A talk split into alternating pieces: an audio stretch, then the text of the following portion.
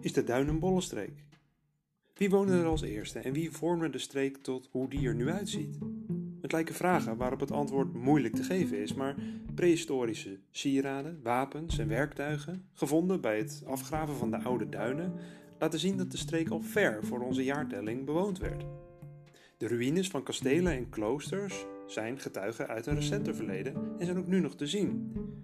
Opgravingen maken dan nog duidelijk dat zeker niet alles is verdwenen.